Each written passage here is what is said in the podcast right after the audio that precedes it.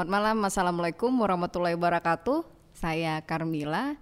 Ini adalah episode pertama Carmila Podcast. Nah, di episode ini dan juga nanti seterusnya untuk mempromosikan bakat-bakat anak Riau, anak-anak muda Riau yang memiliki talent-talent uh, selain kemampuan mereka uh, lulus dari kuliahnya itu namun juga ada bakat-bakat khusus. Nah, untuk malam ini ini memang uh, kita pilih. Nah, ini adalah anak muda yang cakep. Wah.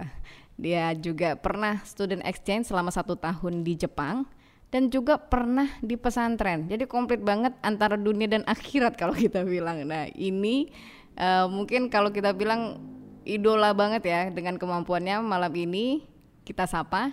Halo Fadil. Halo Kak, selamat malam. Iya, udah bener deh panggil kakak ya. Halo Fadil, terima kasih ya. Uh, ini memang luar biasa malam ini kita ngundang pertama kali khusus untuk Fadil di episode pertama karena memang kita lihat uh, talent uh, ataupun kemampuannya Fadil ini uh, luar biasa dengan usia yang muda. Kalau tidak salah umurnya 26 tahun iya, ya. Iya, 26 Kak. Iya.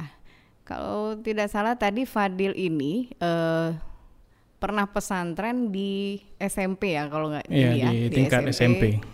Terus juga ke uh, SMA, lalu kuliah di UIR ngambil sarjana pertanian dan ikut student exchange selama satu tahun di Jepang.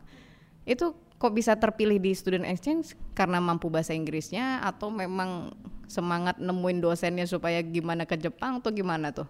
Dia antara keberuntungan dengan kesempatan.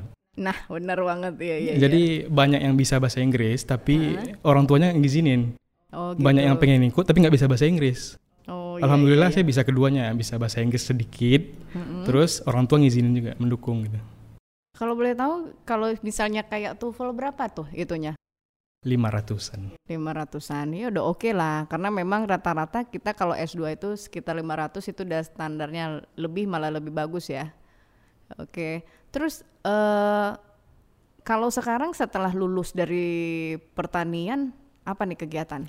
Berkecimpung di dunia pertanian juga, hidroponik, nanam sayur sekarang. Tumben banget loh Fadil, jarang kalau anak muda mau ikut pertanian. Ngapain ya?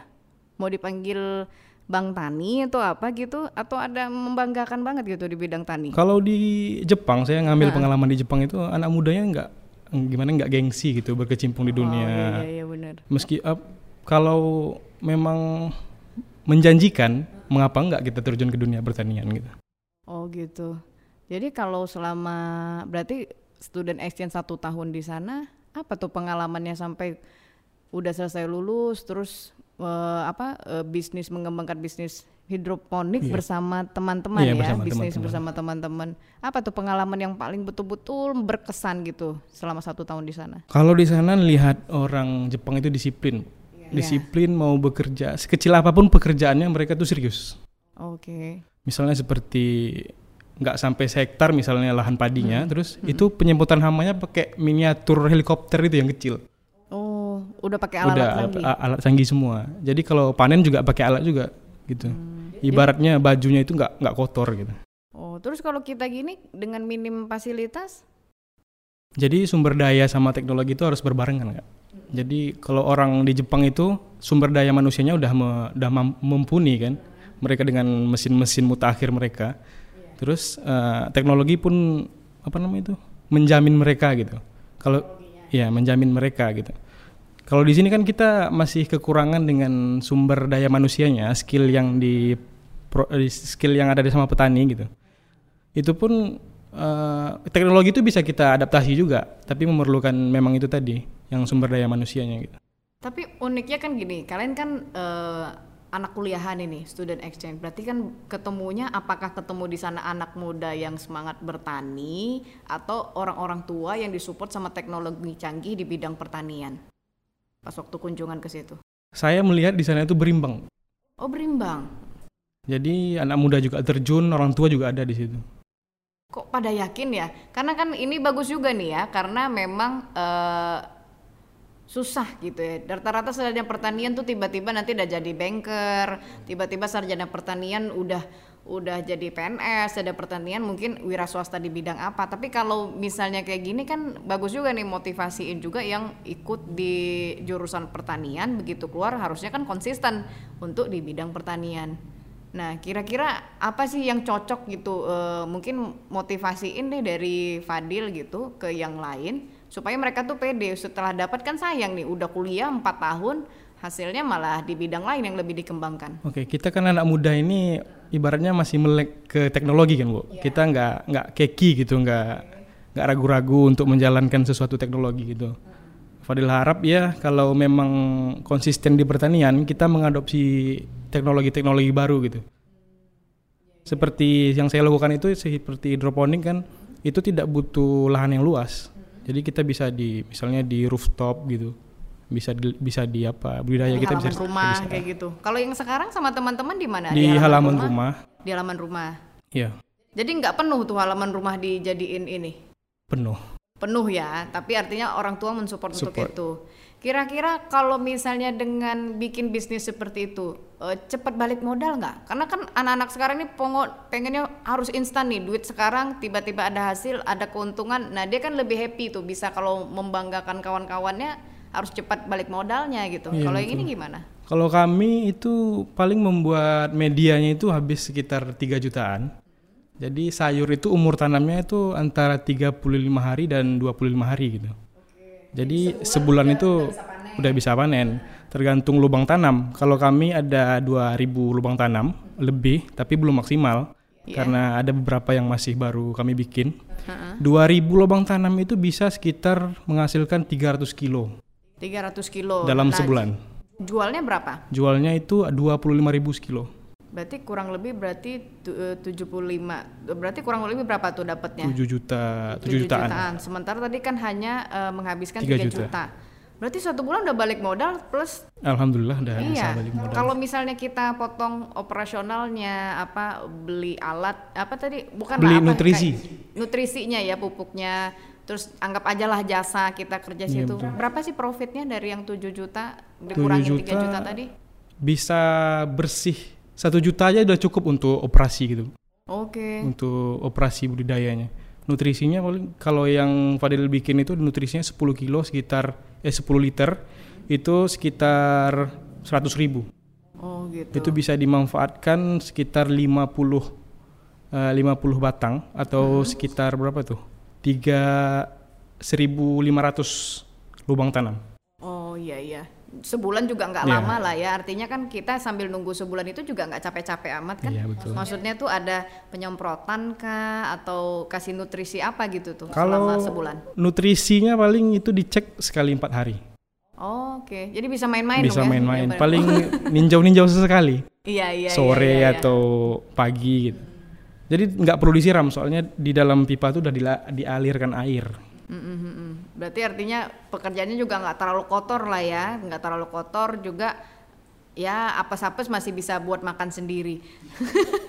Terus Fadil kalau misalnya ini uh, kira-kira ini dijual ke mana ya? Ada pengepul. Oh pengepulnya. Terus pengepulnya ini dijual ke supermarket. Uh, supermarket. Kenapa nggak langsung tembus ke supermarket? Supermarket itu dia harus lubang tanamnya harus banyak, soalnya sistemnya kontrak. Nanti oh, orang okay, itu mintanya okay. lebih, kami nggak bisa supply. Ya, jadi artinya menjamin continue supply. Berarti masih banyak peluang dong kalau kayak gitu. Alhamdulillah masih banyak, masih terbuka lebar. Masih terbuka lebar. Berarti Fadil bisa ngajakin orang lain dong gabung dengan Fadil? Ya? Bisa. Ya? Nah, berarti ini ini kesempatan nih buat yang misalnya mau bergabung untuk hidroponik nanti bisa apa ya uh, apa kita di apa di catatan apa itu kita bisa tambahin lah nomornya Fadil. Nah itu bisa bergabung. Berarti kalau misalnya begitu Fadil mau dong uh, mengajarkan mereka hidroponik seperti apa. Jadi membantu juga kan untuk mendapatkan suplai pengepul tadi ya.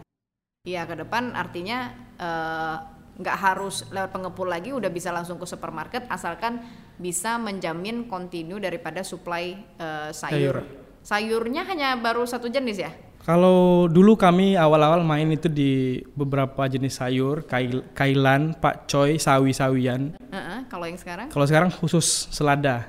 Soalnya selada itu di Pekanbaru ini susah tumbuh. Oh gitu. Kami ada treatment-treatment gitulah biar selada ini bagus tumbuhnya. Iya iya. Fadil jadi penasaran nih Fadil, eh, berbisnis dengan tiga orang teman. Ya. Biasanya orang kalau berusaha dengan tiga orang teman ini suka ribut ya.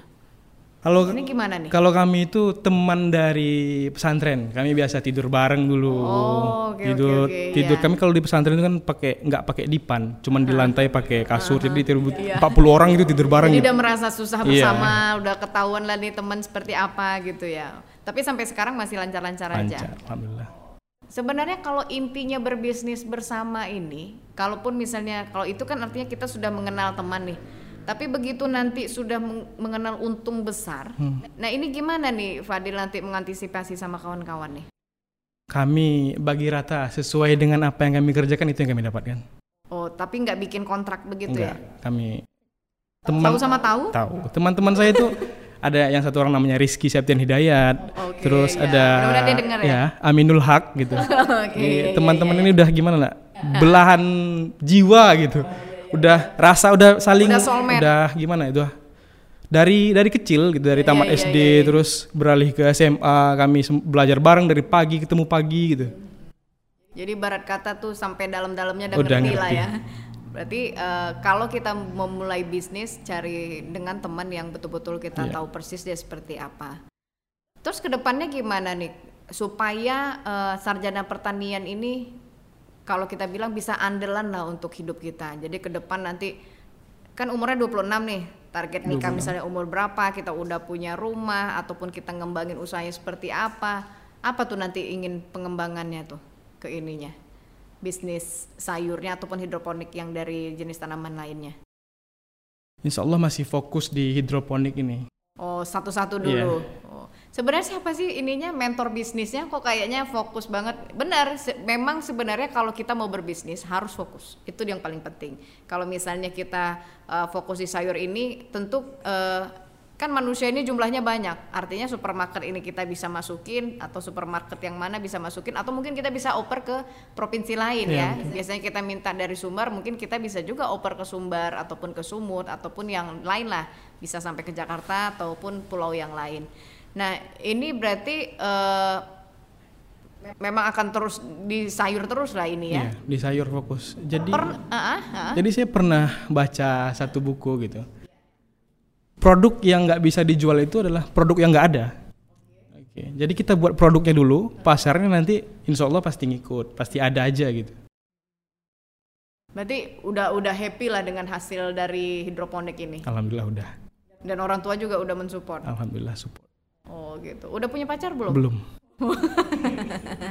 Wah ini harus nunjukin nunjukin kemampuan nih berarti ini dengan apa istilahnya meyakinkan orang tuanya gitu besok ke depan kan? Udah sering ditanya-tanya juga sih. Oh udah sering ditanya-tanya juga termasuk malam ini ya. Nah artinya iya. dari tadi kan dari tadi kan keluarnya keluar dari rumah rapi gitu kan. Ini mau ke mana nih? Bawa mantu pulang atau gimana gitu? ah, karena umurnya udah 26 kan. Iya tapi memang benar kalau kehidupan itu kan harus ada target. Artinya kita dalam satu tahun ini kita mau menghasilkan berapa eh, untuk penghasilan kita ke depan kita akan melakukan apa. Nah itu berarti eh, karena memang eh, kebetulan kan saya aktif sehari-hari kan sebagai anggota DPRD Provinsi Riau. Nah itu kalau kita turun ke lapangan di pertanian susah sekali ketemu anak muda yang mau bergerak di bidang pertanian. Banyak eh, yang sudah lulus di bidang pertanian ini malah ke mana-mana kerjanya. Antara mereka itu tidak pede dengan ilmunya ataupun juga mungkin lagi kesempatannya di situ jiwa wira swastanya itu agak kurang gitu. Nah kemarin itu kalau sedikit flashback ke belakang nih Fadil, apa sih yang kira-kira nggak tertarik tuh Fadil ikut PNS ataupun apply di perusahaan-perusahaan ataupun mungkin sekarang kan lagi booming untuk ini apa istilahnya startup ya. Nah seperti itu, kok malah ke sini gitu? Ini yang yang bisa saya lakukan dengan maksimal. Oke iya iya. ha-ha. Ini yang ilmu yang saya punya cuma ini gitu. Yang saya bisa kerjakan dari awal sampai akhir ya hidroponik ini. Fadil, kayaknya kita ini udah udah lama ngobrol. Mau cobain ini kopi ya, biar supaya nggak ngantuk. Karena ini sebenarnya episode pertama malam-malam banget. Nih, silakan Fadil. Coba boleh dideketin. Nah ini juga kita bantu UMKM juga sih sebenarnya ini. Silakan kalau sambil minum santai-santai aja.